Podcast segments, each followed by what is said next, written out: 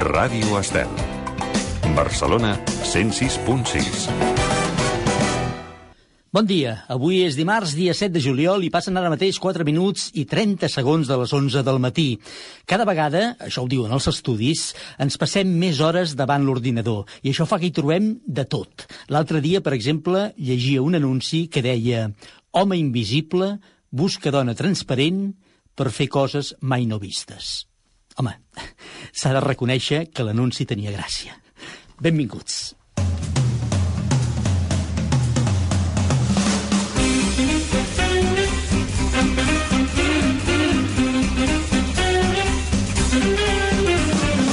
Oh, Déu meu, cada dia una llista de 10 per enriquir la nostra vida.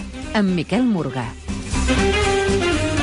Aquí a Ràdio Estel ni som invisibles ni som transparents. Bé, transparents potser sí que ho intentem ser, però en el més bon sentit de la paraula, però el que sí pretenem és que ens veieu i sobretot ens escolteu cada dia. Avui us hem preparat una nova llista de 10, un nou top 10, a més a més avui un top 10 molt musical que de seguida us explicarem. I ho farem possible amb la vostra companyia i la del Toni Huguet, el control tècnic i muntatge musical. Bon dia, Toni.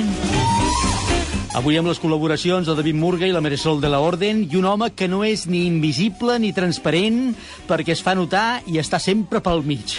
Bon dia, senyor Ramon. Hombre, hombre, pues, pues, pues no sé com prendre-m'ho això que me diu, eh? Bon dia, senyor Miquel.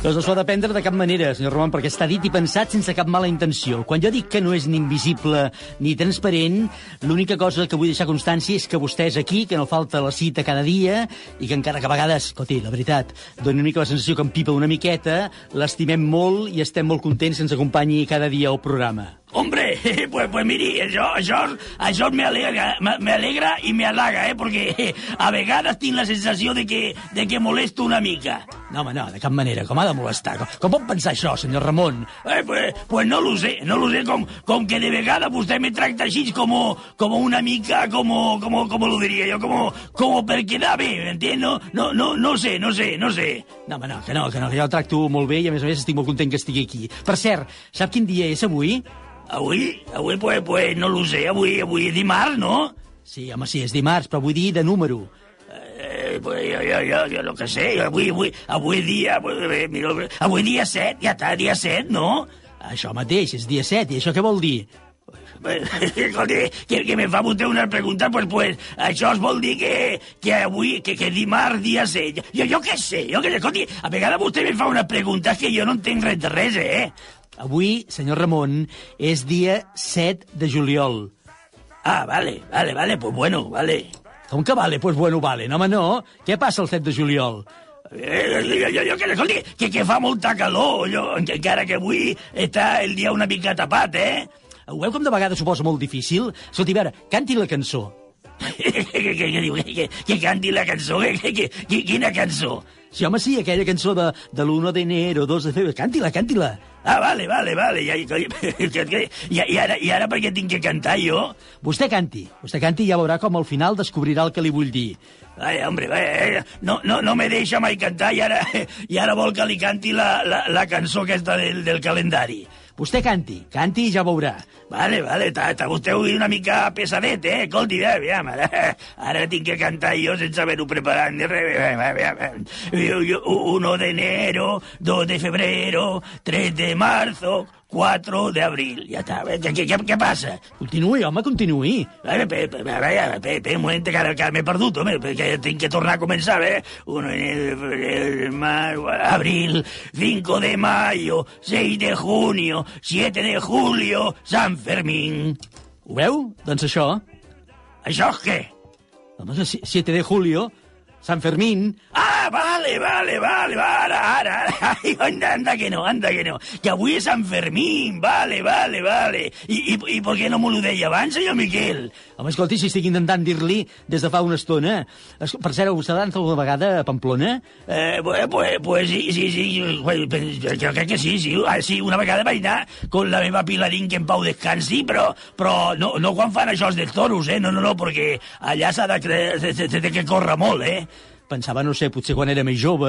No, no, no, no, no, no jo, quan, quan, quan, quan era més jove, no, no, però escolta, que, que per ser jo encara continuo sent jove, eh? Ja ho sé, home, sí, ho li dia abans, eh? Vaja, que no hi ha mai a Sant Fermines. Pues no, pues no. A, a més, la, la Pilarín, que en Pau descansi, estava en contra d'això dels toros i no, no hi hagués volgut anar mai. Doncs res, no només era per deixar evidència del dia. Escolti una cosa, eh, ja, ja està, ja saben que el dia 7 de juliol, que és Sant Fermín i que jo no he anat a veure los toros de Pamplona. Però una, una cosa que, que jo li volia dir, que, que, com és que avui no hi ha aquí el Jordi Tècnic? No, doncs no sé, que sé, perquè deu un altre horari, però hi ha el Toni, que no el coneix, el Toni. Bueno, pues no molt, no molt, perquè a vegades li dic a algú i me mira molt seriós sempre és que t'heu posat molt seriós, el Toni, eh? Però si m'hi parla ja veurà com és molt simpàtic. Vagi, escolti, fem una cosa. Vagi allà amb ell, eh? Vagi allà i li dona, li dona conversa i ja veurà com es faran amics de seguida, eh? I de passada em deixa a mi tranquil aquí per fer el programa. Ah, vale, pues sí, pues sí, pues, pues, pues vaig pa allà perquè, pues miri, pensé que, que, que nos falta un jugador per la petanca de l'equip, a veure, a veure si lo convenço jo perquè jugui con nosaltres. No sé jo, no sé jo si el Toni és molt de jugar a la petanca, però vostè, vostè digui-li, escolti'm. Escolta, Toni, Toni, una cosa, tu... No cridi, no cridi, no cridi, senyor Ramon, per favor. Vagi allà i li diu, cau d'orella, no cal cridar. Ah, vale, vale, vale pues, pues va cap allà, eh? Escolta, Toni, que, que no falta un jugador aquí per, per la petanca i... Vinga, ja està. Au, vagi fora i m'explica. Ho sento, Toni, eh? Te l'he incolomat, però, eh, mira, era una manera de treure-me'l d'aquí. En fi, ara amb més tranquil·litat, sí, podem continuar.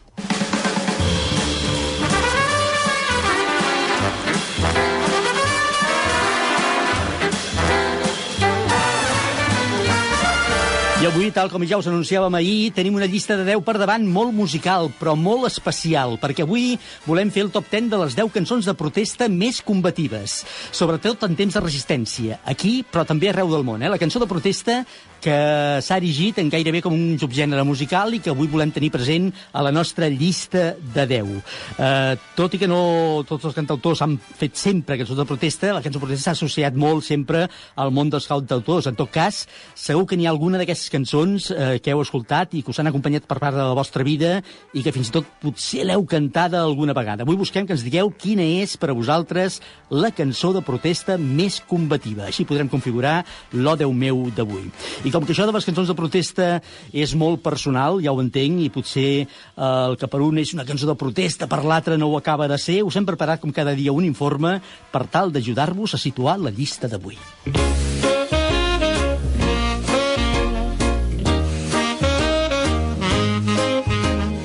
Si ens atenem al que diu la Viquipèdia, aquesta mena d'enciclopèdia popular d'internet, una cançó protesta és una cançó associada amb un moviment que defensa un canvi social amb la finalitat de persuasió o de propaganda. Pot ser folclòrica, clàssica o comercial, entre d'altres. Alguns moviments socials que han promogut cançons protesta han estat el moviment evolucionista, el sufragi femení, el moviment obrer, els drets civils, el pacifisme, el moviment feminista, els drets dels animals i l'ecologisme. La cançó protesta va néixer a inicis del segle XX de la mà de Joe Hill, sindicalista suec afincat als Estats Units d'Amèrica.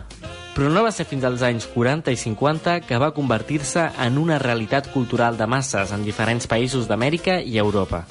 Alguns dels primers autors més importants foren els estadounidencs Buddy Guthrie, Pete Seeger, Bob Dylan, Joan Baez, els francesos Edith Piaf i Jacques Brel i el xilè Víctor Jara.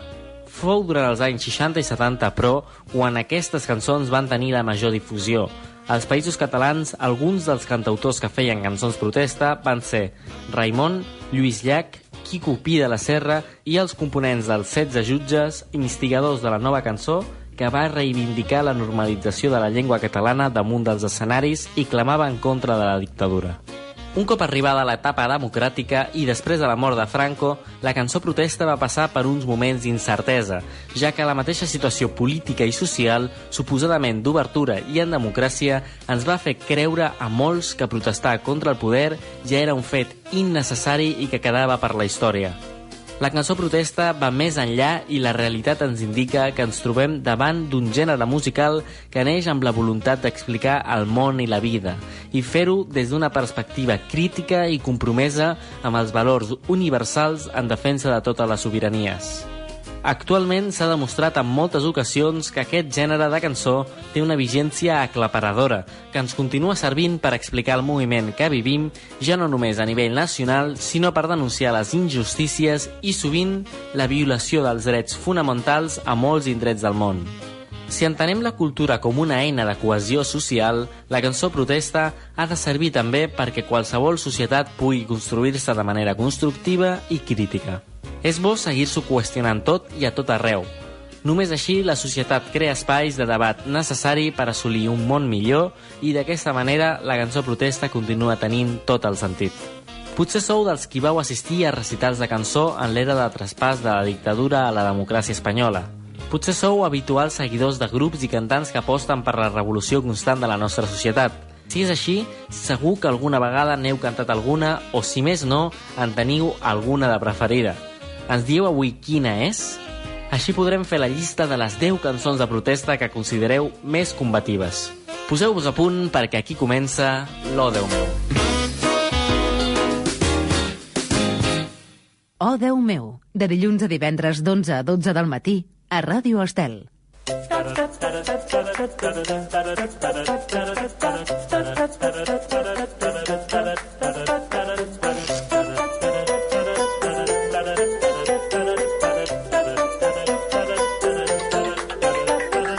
Molt bé, doncs ja tenim una mica d'informació i a partir d'aquí comencem el camí de la llista de l'O Déu meu d'avui, el top 10 de les 10 cançons protesta més combativa. Quina és la teva? Ens en dieu una, només cal que ens en digueu una i així podrem configurar aquesta llista d'avui del programa. Ja sabeu que podeu fer-ho a través de les diferents xarxes socials del programa, a Instagram i a Facebook, buscant el nom del programa, O meu, allà hi trobareu un post amb la pregunta, amb la llista del dia d'avui i només caldrà que hi escriviu la vostra opció. També podeu fer-nos arribar la vostra cançó protesta d'avui a través d'un correu electrònic a odeumeu arroba radioestel.cat odeumeu arroba radioestel.cat però i sobretot ens agrada molt que ens feu arribar els missatges a través d'una nota de veu o un missatge escrit en el nostre telèfon habilitat pel WhatsApp que és el 644 34 30 10 644 34 30 10 tots aquests mitjans estan oberts les 24 hores del dia els 7 dies a la setmana perquè pugueu dir la vostra i pugueu participar a l'O Déu meu. Fins al final del programa avui encara teniu temps de fer-nos arribar l'opció per la llista d'avui. Recordeu que busquem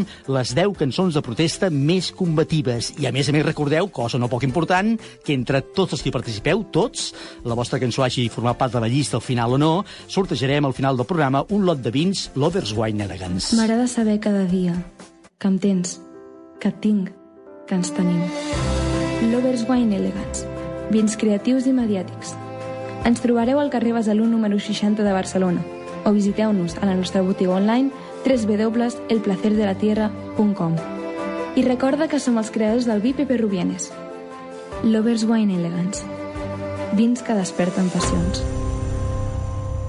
I espero que desperti passions també avui la nostra llista, la llista de les 10 cançons de protesta més combatives. Des que ahir anunciàvem la llista d'avui, ja hem rebut algunes opinions a través de notes de veu del WhatsApp, que són aquestes. Una cançó que m'agrada molt és Et recordo Amanda, de Víctor Jara. L'any 68, en plena dictadura franquista, Lluís Llach va sorprendre a tothom amb una cançó combativa de debò.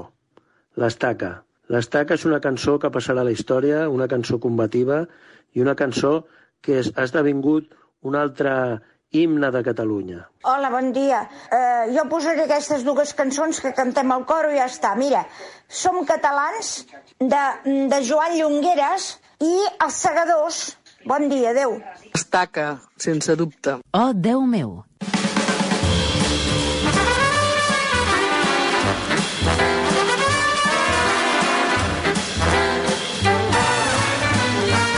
Les 10 cançons de protesta més combatives són les que busquem avui a la nostra llista de 10 de l'O Déu meu, el nostre top 10 de cada dia a Ràdio Estel.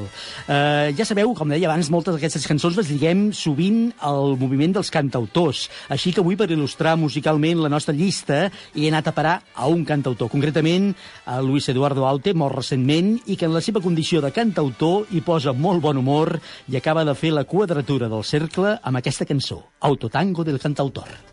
¿Qué me dices, cantautor de las narices? ¿Qué me cantas con esa solemnidad? Si estás triste, que te cuenten algún chiste. Si estás solo, púdrete en tu soledad. Vete al cine, cómprate unos calcetines, baila un tango, pero deja de llorar. ¿O es que acaso yo te canto mis fracasos o las penas que en un vaso de aguardiente quiero ahogar?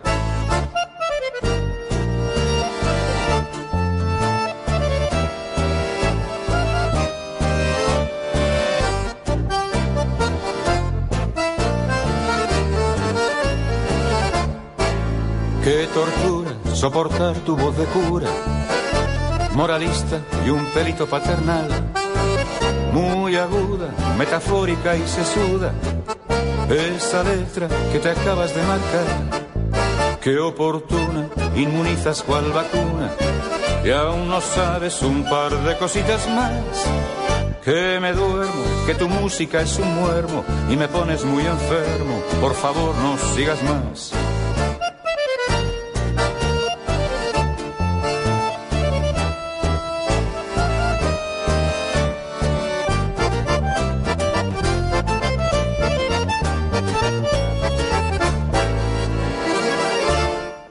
Fem paròdia dels cantautors, el mateix Lluís Eduardo Aute, que ens acompanya avui quan passen 5 minuts d'un quart de 12 del matí.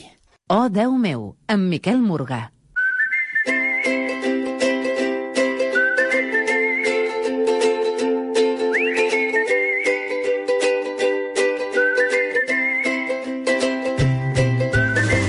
Avui a l'Odeu meu de Ràdio Estel estem fent la llista de les 10 cançons protesta més combatives. Encara teniu temps de fer-nos arribar les vostres opcions a través de les xarxes socials, el correu electrònic o del telèfon habilitat pel WhatsApp, que és el 644 34 30 10, fins al final del programa. La persona que avui ens acompanya, el nostre convidat d'avui, tot i que s'autoanomena cantautor i així el tenim considerat, no ha dedicat especialment la seva llarga carrera musical a les cançons de protesta, tot i que tinc la sensació que tampoc n'ha defugit i que alguns dels seus èxits més importants fins i tot es podrien considerar amb aquesta denominació de protesta. Ara li preguntarem amb ell si era aquesta la intenció quan les va fer. El cert és que després de molts anys als escenaris i amb un grapat de discos enregistrats s'ha guanyat l'honor de ser respectat i considerat com part important del nostre patrimoni musical. Ara arriba incansable amb un nou disc i amb noves cançons per compartir amb tots nosaltres. Estic molt content que avui ens acompanyi per presentar-nos, entre altres coses, aquestes noves cançons. Joan Isaac, bon dia i moltíssimes gràcies per haver acceptat la nostra invitació. Bon dia a tu, Miquel. Feia molts anys que no ens veiem i estic molt, molt feliç. L'obscuritat immensa travessa la nit fosca com la gola del llop. M'endinso a les tenebres per línies paral·leles que no es troben enlloc. Soroll i crits metàl·lics, la lluna m'acompanya, li parlo i no em respon. Que sol que estic en aquest tren dels mil vagons. Joan Isaac, aquest nom artístic amb el que sempre hem conegut, Joan Vilaplana, un cantautor, músic i poeta que, com deia abans, des de fa anys i panys ens té acostumats a visites periòdiques amb noves cançons i noves aventures, també de vegades literàries. Va néixer artísticament com a cua o com a conseqüència d'aquella primera fornada de cantautors catalans que van conformar la nova cançó i arribava amb tot un seguit d'aire nou al costat d'uns altres noms, com Ramon Montaner, per exemple, o Marina Rossell, que aleshores es disposaven en grossiva nòmina de cantants de la dècada dels 70. Des d'aquell primer disc, dels inicis dels 70 fins ara, un total de 22 discos formen part del seu patrimoni musical, carrera més que li ha permès cantar al costat de noms tan il·lustres com Silvio Rodríguez, Giorgio Conte, Serrat, Llach o Ana Belén, entre molts altres, i molt especialment amb Luis Eduardo Aute, amb qui va compartir tot un disc. Deixi que comenci per aquí, perquè Aute ens ha deixat molt recentment, i vull pensar, sospito, que deu haver estat un cop fort la seva pèrdua, eh? Un cop molt fort. Ara, quan escoltava l'entrada a l'Eduardo, m'emociono molt, perquè érem, érem molt amics, molt, molt col·legues, era... Jo penso que el, dels més grans eh, és el, el, ha sigut el tio més, més generós que he trobat en aquest món, que sovint, sovint està ple d'enveges, de, de trepes, d'històries, i l'Eduardo era un tio absolutament senzill, molt, molt, molt afable amb tothom i, a més, molt generós. I a l'amic, a l'amic de, de, les, de les confidències, de, de les trucades a les tres i mitja de la matinada demanant-me una, una, una paraula que, arribé, que rimés amb fill perquè estava escrivint una cançó que es deia Plaça Rovira i, era un tio així, era un tio que mentre els altres dormíem, els humans dormien, ell treballava amb, fabricant bellesa contínuament. I per mi ha estat una pèrdua immensa, perquè a més de perdre el, un referent i un, uh -huh. i un, i un mite, perdo un, un amic que en aquesta professió s'entenen pocs amics. Era un home posat seriós, també com Joan Isaac, és un home posat seriós, però darrere dels quals, m'imagino jo, em, em sospito de, de tots dos, eh, hi ha una espècie de sentit de l'humor, de vegades corrosiu, de vegades eh, molt, sí. molt curiós, eh? Sí, l'Eduardo, jo, jo, jo sempre m'he sentit molt a prop de l'Eduardo, de la seva ideologia artística i de la seva de la seva complexitat eh, artística i de la seva immensa eh, rigorositat a l'hora de, fer, de fer cançons i de fer tot el que feia, perquè tot ho, tot ho feia bé, vull dir, escrivia, pintava, feia cinema, i sobretot era amic dels seus amics, i llavors eh, és una, una mena de vegades a la vida passen gent al costat de la que, de la que et sents molt, molt propera per les raons que siguin, no? És com aquells amics que, que en tens tres o quatre a la vida que apareixen als moments adequats, no cal que, no cal que parlis amb ells ni en, ni en dos o tres anys, sinó que quan tinguin que estar-hi seran. I l'Eduard era, un, era un tipus així, un tipus que l'estimava tothom i que, a més, eh, un tio que jo, del que admirava sobretot la seva llibertat creativa absoluta al marge de modes, capelletes i, i històries. Ell anava per la seva i sobretot era un tio que encara escrivia cartes a mà. Vull dir que això et demostra la, Cavi, la, seva, la seva manera de ser. Avui estem parlant molt a partir de la llista de del programa de cantautors, una definició de la qual en Joan Isaac mai no n'ha defugit, mai, eh, al contrari sempre s'ha refermat com a tal fins i tot en els moments on quan la paraula cantautor estava més defenestrada perquè ha passat per aquests moments també el, el, sí. la denominació cantautor. No sempre ha tingut bona reputació cantautor no, és que jo, jo, penso que això és una, una qüestió de, de falta de cultura, simplement. És a dir, quan a la dècada dels 80 el periodisme modern d'aquest país va començar a dir que no els cantautors ja havien complert el nostre camí, era per absoluta desconeixença de lo que és la cançó d'autor. Els italians, que sempre van parlar de tot, amb tot i que els, són els que ens robaven les nòvies a les discoteques de Lloret també, doncs... No els hi perdonarem mai, això, eh? No els hi perdonarem mai.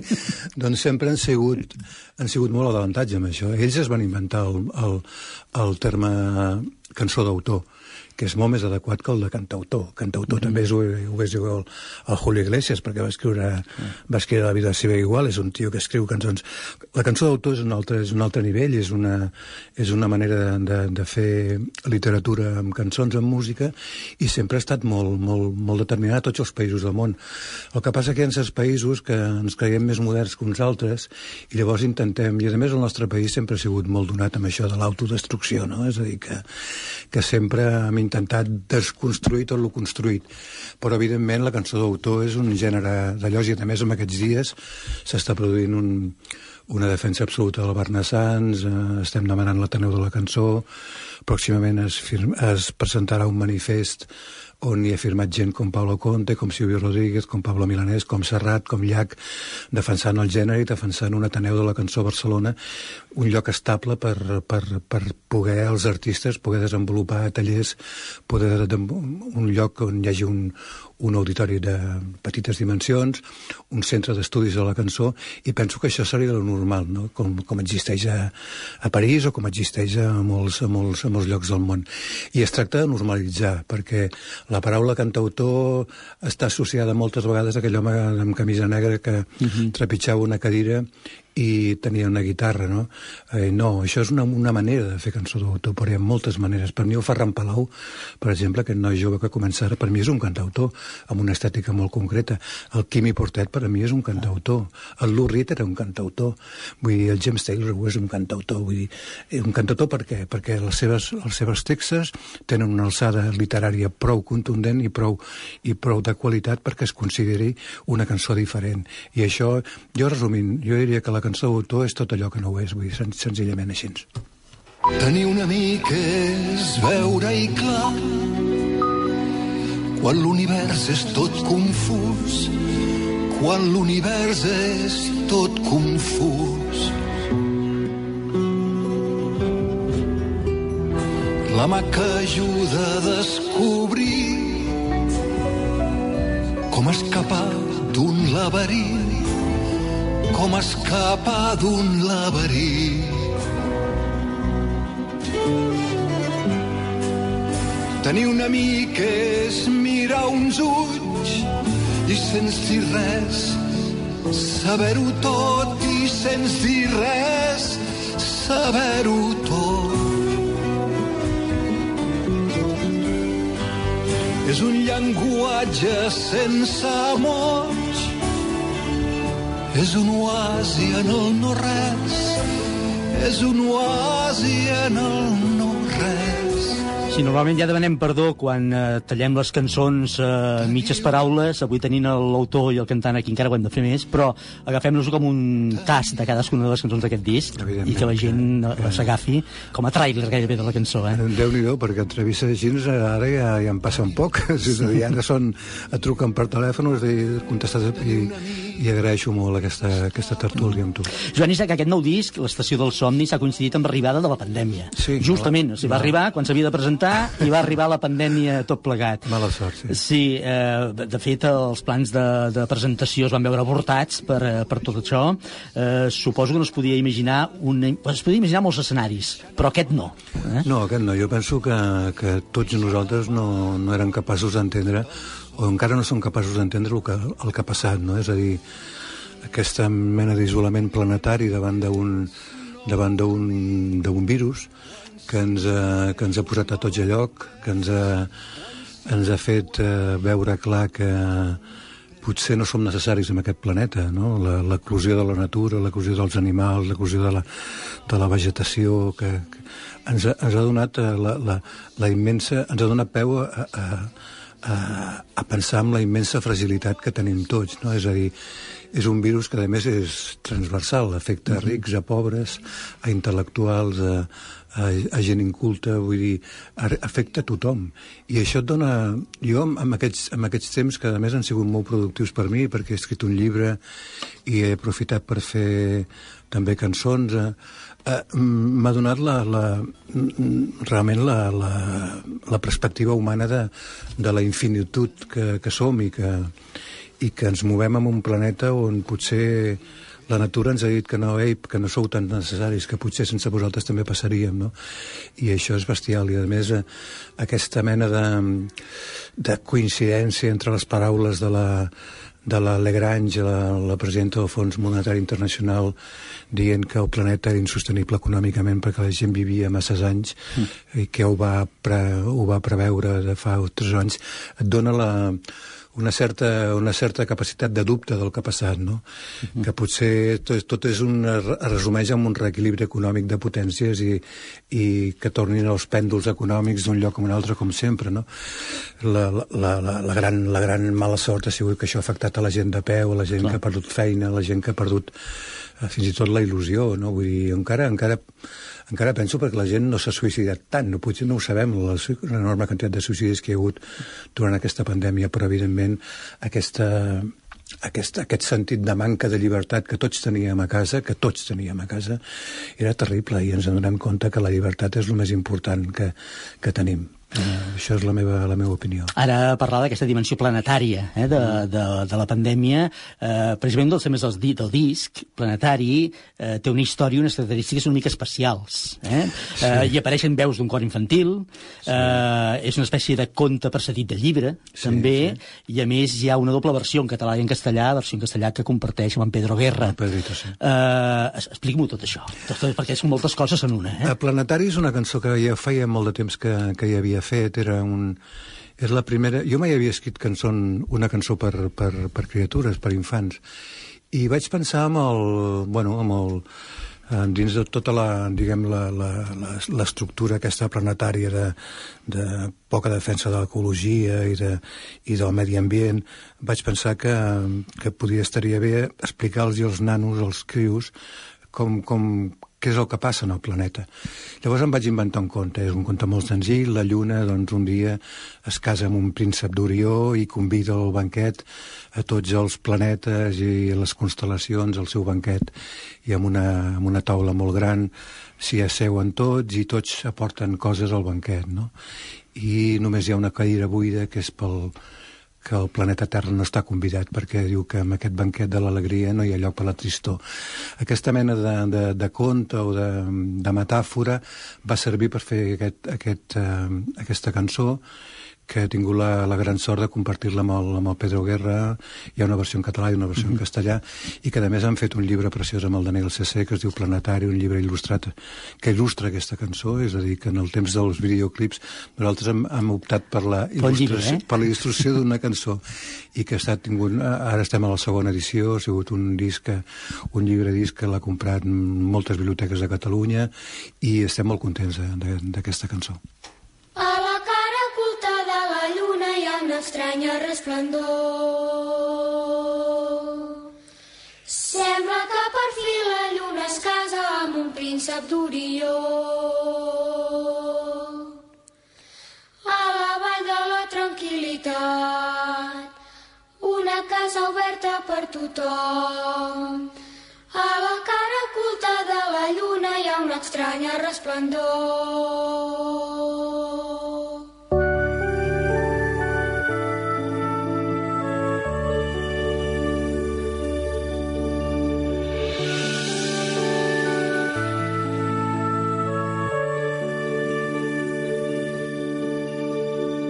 La cara oculta de la lluna hi ha una estranya resplendor.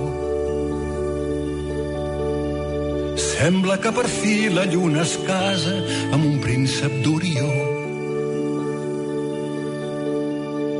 A la vall de la tranquil·litat, una casa oberta per tothom. A la cara oculta de la lluna hi ha una estranya resplendor. Aquesta és la versió en català, com dèiem, la versió en castellà la comparteix amb en Pedro Guerra. Ara que parlem de Pedro Guerra, els, els duets han estat una constant en la carrera de Joan Isaac, sobretot en la segona etapa de la carrera de Sí. Joan Isaac. Ja ho deien començar, anomenava en Silvio Rodríguez, eh, anomenava en Giorgio Conte, el Luis Eduardo Aute, en Serrat, el Llach, la Maria Omar Bonet, també, entre molts d'altres, eh? en falten molts, me'n deixo molts, en Moncho, eh? el, el, Ramonet. sempre cantant de boleros, en Moncho, en fi, me'n deixo molts.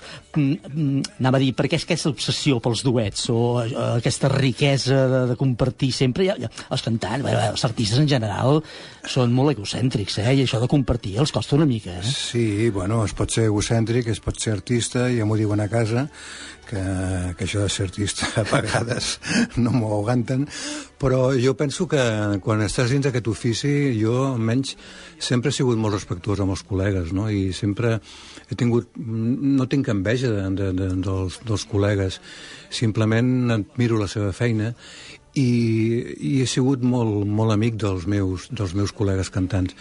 I sempre que he tingut l'oportunitat o he tingut la, la, les ganes de fer alguna amb algun, amb algun cantant, mai m'han donat un no. I, I llavors això ho he aprofitat moltes vegades per fer duets amb el Llach, amb el Serrat, amb la Maria del Mar, amb el Giorgio, amb el Giorgio Conte, amb el Roberto Vecchioni, amb, amb, ah, i amb l'Eduardo, que vaig fer un disco meravellós de, Mhm.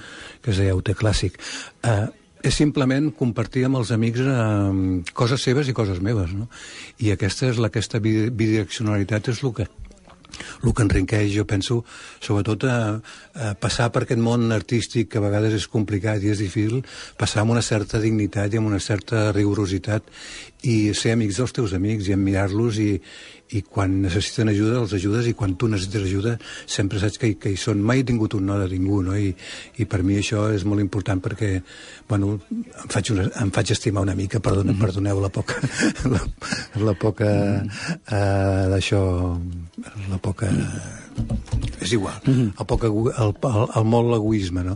Però, però la immodèstia, volia dir. Uh, sen senzillament estic content d'això, de que, de que he tingut moltes oportunitats, mai m'han dit que no, i fins i tot uh, darrerament vam fer un disco preciós amb la Sílvia Comas, el, eh, el tribut al, al Silvio Rodríguez, on ell ens va beneir aquest, aquest treball que va ser immens de traducció de les cançons del Silvio català.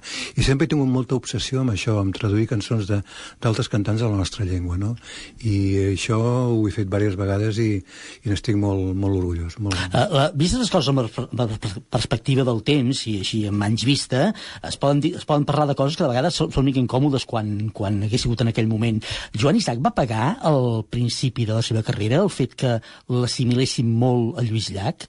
perquè això es deia molt al principi, eh? Se sembla molt, però no, tampoc no, ni era tant ni, ni, ni ha, ja ha demostrat que, que, que tenen dos camins totalment diferents, però no sé si, ho, ha, si ho va, en aquell moment li va afectar molt. No, no és que m'afectés. Eh, per, primer perquè considero que no era veritat, i, i segon perquè, evidentment, un artista necessita un temps llarg per adquirir una personalitat pròpia. És a dir, és evident que tu quan comences a cantar tens uns referents, com són el Serrat, el Llac, eh, el Jack Brel, que, es, que els tens dins, dins teu. I, evidentment, hi ha influències que et poden algunes vegades a tindre alguns tics semblants. Mm -hmm. Jo mai vaig, vaig pensar que m'assemblava el, el, el Lluís, fins i tot el Lluís, vull dir, jo, tant jo com la Marina com el Ramon vam fer primeres parts durant molt de temps per donar-nos a conèixer en aquells temps que era l'única manera de donar-nos a conèixer. Jo penso que amb el temps un adquireix, amb el temps i amb la feina i amb la rigorositat, un adquireix una, una, una, una personalitat pròpia i arribes un moment en què et diuen hòstia, aquest és un disco purament Isaac, no? purament Joan Isaac. Doncs quan et diuen això vol dir que la gent assimila ja un estil de fer cançons, d'escriure, de fer coses. Uh, uh, L'opinió dels periodistes, de la crítica, a mi m'ha importat sempre relativament poc les bones i les dolentes. Mm. En aquells temps, doncs, bueno, algú sí que va, va escriure sobre això, però amb el temps això es va, es va anar diluint i és que si no, no hagués fet 22 discos, m'entens? Vull dir, sí, eh, sí. ho hagués deixat. No estaríem aquí parlant, està claríssim. Eh, en Joan Isaac és una persona, vaja, és una urbanita, dic jo, perquè mm. va néixer a Esplugues sí. i viu a Barcelona, eh, i en canvi la, en el disc hi trobem una cançó a ritme de vanera. Cau el sol de mitja tarda, bufa suau la marinada, Assegut a Can 60 veig la mar com ve i com va. A la sorra de la platja juguen nens i planten canyes i al fons una vela blanca que s'allunya mar enllà el país, el país és petit i ens deixem influenciar molt tant dels de dintre dels de fora, del litoral de, de l'interior, però d'on li venen aquests aires mariners gairebé, eh? Aquesta cançó és una cançó que jo estimo molt del disc perquè és, un, és una cançó que parla d'un bar, d'un bar per mi d'un bar i d'un mar, i d'un mar també, eh? però sobretot d'un bar, un bar que hi ha a la platja de Sant Salvador, que es diu Can 60, on tingui una, tinc una casa allà des de fa molts anys, a prop del mar, és un lloc on tinc una, fins i tot un estudi de gravació, i el Can 60 és un bar eh, paradigmàtic amb aquesta, amb aquesta costa daurada, no? amb, aquest, amb aquest Sant Salvador, aquest vendrell. Eh, és un bar eh, que pot ser un bar hippie dels anys, dels anys 60, on ens trobem tota una sèrie de gent molt concreta i entre, entre ells eh, ens trobem molt sovint amb el Pemi Fortuny, el cantant dels Laxambusto, uh -huh. que, que viu a Vendrell i, i com diu el, com diu el, el, el, el Pemi Uh, és, un, és, el nostre, és la nostra universitat de la vida, aquell bar, no? I és un bar que us recomano que, que hi aneu perquè és molt, molt, molt bonic, molt maco, amb un ambient un ambient preciós de, de, gent, de gent, et dic, que sembla estreta dels, de la Menorca o de l'Ibisa dels, dels anys 60, i on anirem molt, molt, molt sovint, el i jo i molts amics, a, a discutir de la vida i de les utopies, no? I, i com evidentment és un, és un barri mariner molt indià, perquè hi ha, hi ha molta arquitectura indiana, doncs vam pensar amb el Pem de posar-li aquest ritme una mica vanero a, a, la, a la cançó. Uh, res, és, un, és una cançó que parla d'un lloc. Hi ha moltes cançons meves que parlen mm -hmm. de mhm. llocs ge geogràfics concrets i aquest, i aquest és, ho, és. De fet, és l'única incorporació marinera que hi ha en el disc, perquè, deixa'm dir, ja s'ha incorporat el tema Passeig del Carme, dels, de, dels sí. fragments Passeig del Carme d'en Pere Tàpies, sí, sí. Uh, que, de fet, eh, sorprèn molt que hi hagi una cançó de Pere Tàpies, tot i que aquesta és de les més intimistes i més personals que va fer en Pere Tàpies. Uh, també Aires Mariners, perquè parla del Passeig del Carme, de Vilanova. Sí, eh? jo, jo el Pere li... Jo el Pere me l'estimava molt. El Pere, més enllà de la seva, de la seva diguem, vessant humorística o vessant mananfotista de la vida i, i adonista de la vida, el Pere era un tio un intel·lectual de cap a mhm. peus, és un tio tu que vas conèixer... Un bon vivant, a, a, a, eh? Molt, i un tio, evidentment, amb una cultura immensa, no? Mhm. Una cultura immensa, un, i un gran escriptor de, de poesia. El que passa que les seves cançons més conegudes però una vegada el Serrat em va dir que el Pere Tàpies era un dels millors autors d'aquest país, i jo també ho penso. Té cançons meravelloses, el Pere Tàpies.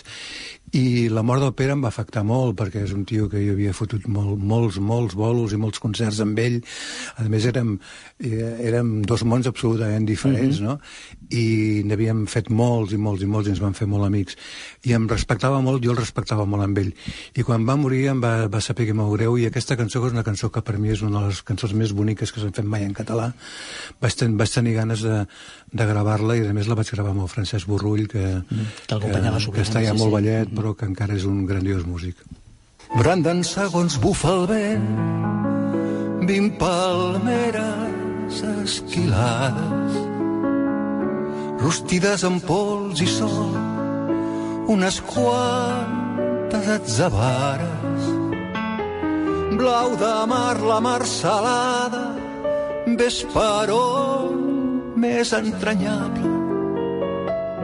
És el meu pati bonic, un pèl nou, un pèl antic, passeig del Carme, quan la lluna va fent ones i al matí trempant s'engresca i s'apaguen les faroles de la companyia fexa. Hi ha una llum, hi ha un silenci, ves per on més entranyable. És el meu pati bonic, un pèl nou, un pèl antic, passeig del Carme, Ens queden moltes coses de les quals parlar amb en Joan Isaac. Farem una segona part un altre dia, Quan tranquil·lament. Uh, li agraïm molt que ens hagi visitat avui a l'O Déu meu per uh, parlar d'aquest nou disc, escoltar bocins d'aquestes cançons.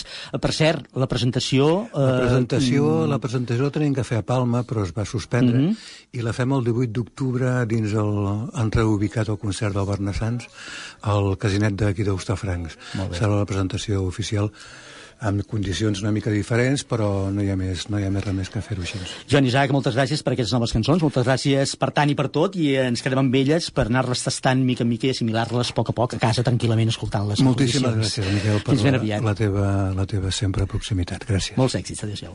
L'obscuritat immensa travessa la nit fosca com la gola del llop. M'endinso a les tenebres per línies paral·leles que no es troben enlloc. Soroll i crits metàl·lics, la lluna m'acompanya, li parlo i no em respon. Que sol que estic en aquest tren dels mil vagons. El tren dels mil vagons, un dels temes que conforma aquest nou disc d'en Joan Isaac, que avui hem escoltat i hem compartit amb ell quan passen ara mateix 3 minuts de 3 quarts de 12.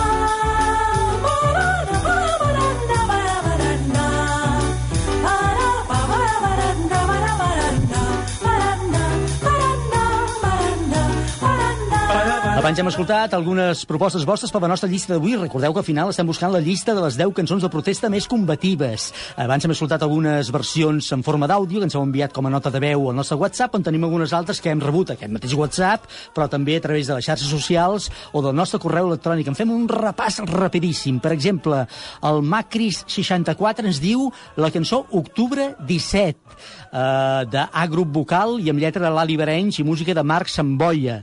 És una nova incorporació a les cançons, amb l'octubre de recent memòria com a protagonisme i que podríem considerar, hem de considerar, evidentment, com una cançó combativa de protesta de l'actualitat. La Rosa Pagès ens diu és difícil decidir quina ha estat la millor cançó protesta. N'hi ha tantes i de molt bones. Ens diu, per exemple, Libertat sin ira, El vent, per a la libertat, però ens diu la Rosa Pagès, jo em quedo amb l'estaca de Lluís Llach. Molt bé, ja us he de dir que l'estaca mm, eh, jo diria que és la cançó que més vegades ha sortit avui a les vostres propostes. El Ramon ens diu Diguem no, de Raimon. Molt bé. El Pere Bassas, Imagine, de John Lennon. Quina gran cançó, ens diu el Pere. La Maribel Asensio aposta per Rebel, Rebel, de David Bowie. Uh, Cors 75 ens diu Sempre l'estaca. Molt bé, doncs aquí ho apuntem. L'Alfons RS Què volen aquesta gent, de Maria del Mar Bonet, una altra de les cançons que també ha aparegut molt en les vostres opcions d'avui. La Mercè ens diu Vull ser lliure i escolta-ho en el vent. Les havia cantat sempre quan anàvem d'excursió i volíem protestar. molt bé, doncs vinga, hi eren dos que servien molt per això. El Jordi Alegre ens diu L'Estaca i el Born in the USA, de Bruce Springsteen. La Rosa Torres diu Hi ha una cançó preciosa del Serrat que es diu Plany al mar. És una protesta contra el maltractament que li donem al mar. Em sembla una delícia de cançó. M'apunto aquesta opinió, Rosa, estic totalment d'acord amb tu. El Ramon 123, o 123, ens diu My Generation, de The Who. Alba Fonsanta, Te recuerdo Amanda, de Víctor Jara, ja ha sortit també un parell de vegades. El Rafael Renom ens diu L'Estaca, diguem no, diguem no, què volen aquesta gent? A Margalida, mira, una cançó d'en Joan Isaac, del nostre convidat d'avui, i sóc una dona, de Manina Rossell. I el Miquel Escudell, acabem amb això el llistat d'una mica d'opinions que hem rebut, perquè si no, no arribarem al final. El Miquel Escudell ens diu Blowing in the Wind, de Bob Dylan. Doncs és una altra cançó també que ha aparegut molt, tant en aquesta versió original anglès com Escolta-ho en el vent, tal com la vam conèixer aquí. Falten 10 minuts per les 12 i hem d'anar a córrer cuita cap al final.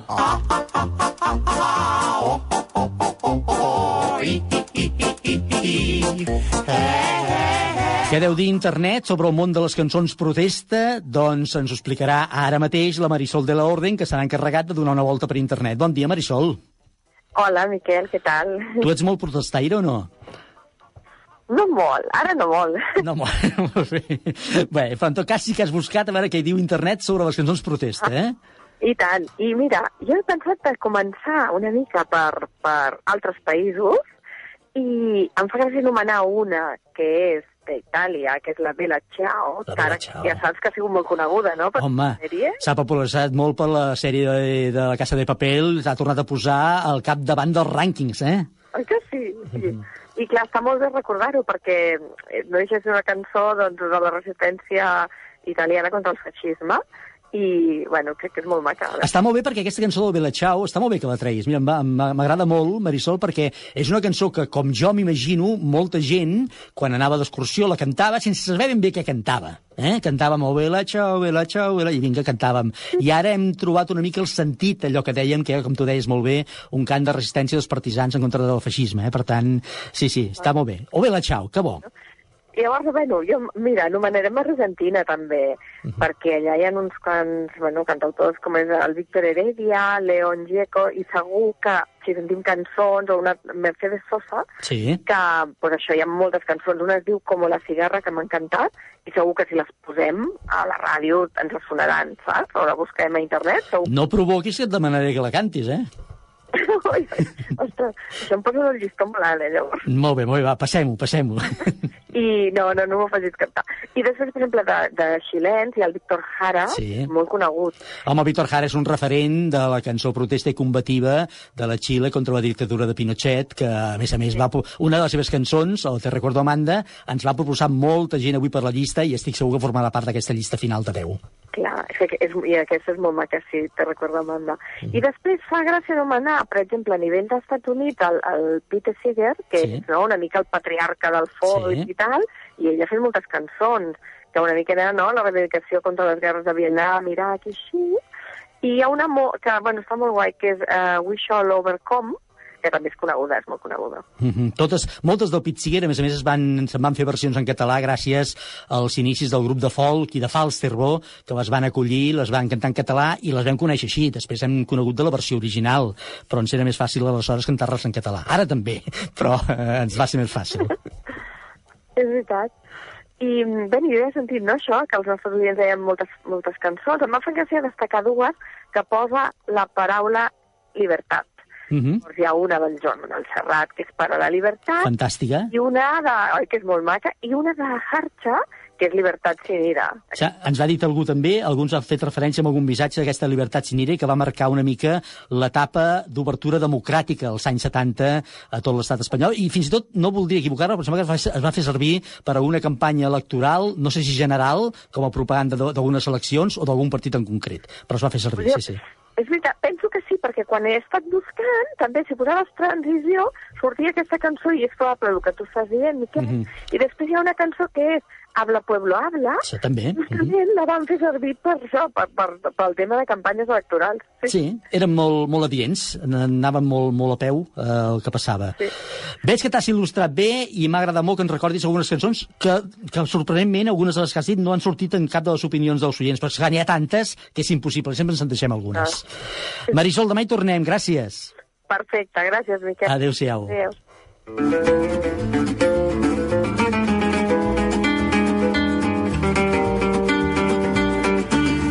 Tenim el temps just, però el necessari per fer-vos conèixer la llista d'avui. I ho fem saber ja aquests són els 10 llocs ocupats per 10 cançons de protesta.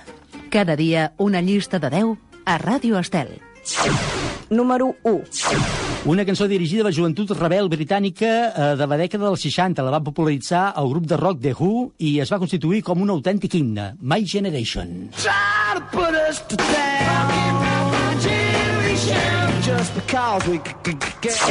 Número 2. Ha representat una de les cançons de més èxit del cantant de Xàtiva Raimon. No l'ha pogut deixar de cantar des dels seus inicis fins a les seves últimes actuacions. Diguem no. No, i jo dic no, diguem no, nosaltres no som d'eixemó. Número 3. Aquí es va popularitzar com Vull ser lliure i formava part del cançoner habitual dels focs de camp i de la resistència més jove i activa antifranquista. En justificant la cançó l'èxit, eh, en justícia, és a Pete Seeger o Freedom.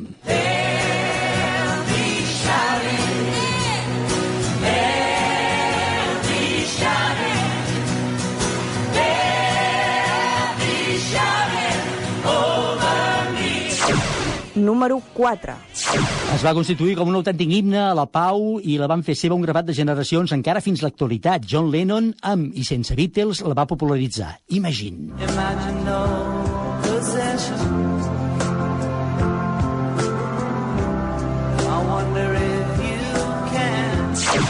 Número 5. Un autèntic cant de revolució d'un dels cantadors més militants, no només amb el rock, sinó també amb les causes socials. Em refereixo a Bruce Springsteen, la cançó Born in the USA.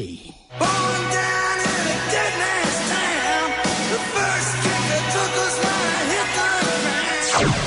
Número 6. Algú l'ha votat com una cançó deliciosa i tendra. Curiosament, es constitueix com un cant de protesta per tota la humanitat, gairebé sense exclusió, que no hem vetllat el suficient per la salut dels nostres mars. Joan Manuel Serrat canta a Plany al mar.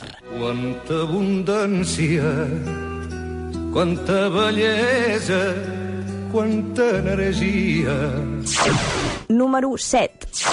Molts cantants a casa nostra la van fer la seva versió d'aquesta cançó que arribava des de Xile, de la veu de Víctor Jara, cantant maltractat i assassinat pel règim del dictador Pinochet. Te recuerdo, Amanda. Te recuerdo, Amanda, la calle mojada, corriendo a la fábrica donde trabajaba. Número 8. Maria del Mar Bonet ha estat responsable que molts haguem cantat a cor que vols aquesta cançó en més d'una i de dues ocasions. Un cant de protesta per les intervencions de la policia en temps de la dictadura i que després encara ha pogut fins i tot relacionar amb alguns fets més actuals. Què volen aquesta gent? De matinada hem trucat, sona el replà de l'escala, la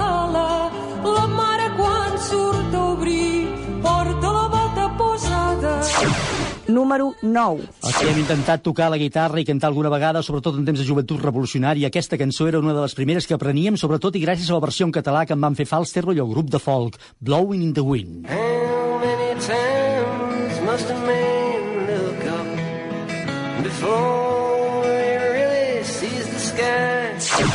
Número 10. I tanquem la nostra llista d'avui amb la cançó que més vegades heu anomenat avui en les vostres missatges. Sense cap mena de dubte, la nostra cançó de protesta per excel·lència és de Lluís Llach i és l'Estaca. Si estirem tots, ella caurà i molt de temps no pot durar. Doncs ja la tenim. Aquesta és la llista de 10 d'avui. No tenim temps per més, només per dir que avui el lot de vins l'Overs Guaneuens va parlar Alba Fonsanta, que havia optat per Te recuerdo Amanda de Víctor Jara, i que demà la llista de 10 que buscarem, atenció, serà molt maca. Buscarem les 10 paraules catalanes que més us agraden. Les 10 paraules catalanes que més us agraden. Quina és la vostra paraula preferida? Gràcies a tots per escoltar-nos. Demà hi tornarem a partir de 4 minuts, més o menys, després de les 11 del matí. Gràcies a tot l'equip, al Toni Huguet des de Control Tècnic i Muntatge Musical i a tots els que han conformat l'O Déu meu d'avui. Fins aleshores, adeu-siau. Oh, Déu meu, amb Miquel Morgà.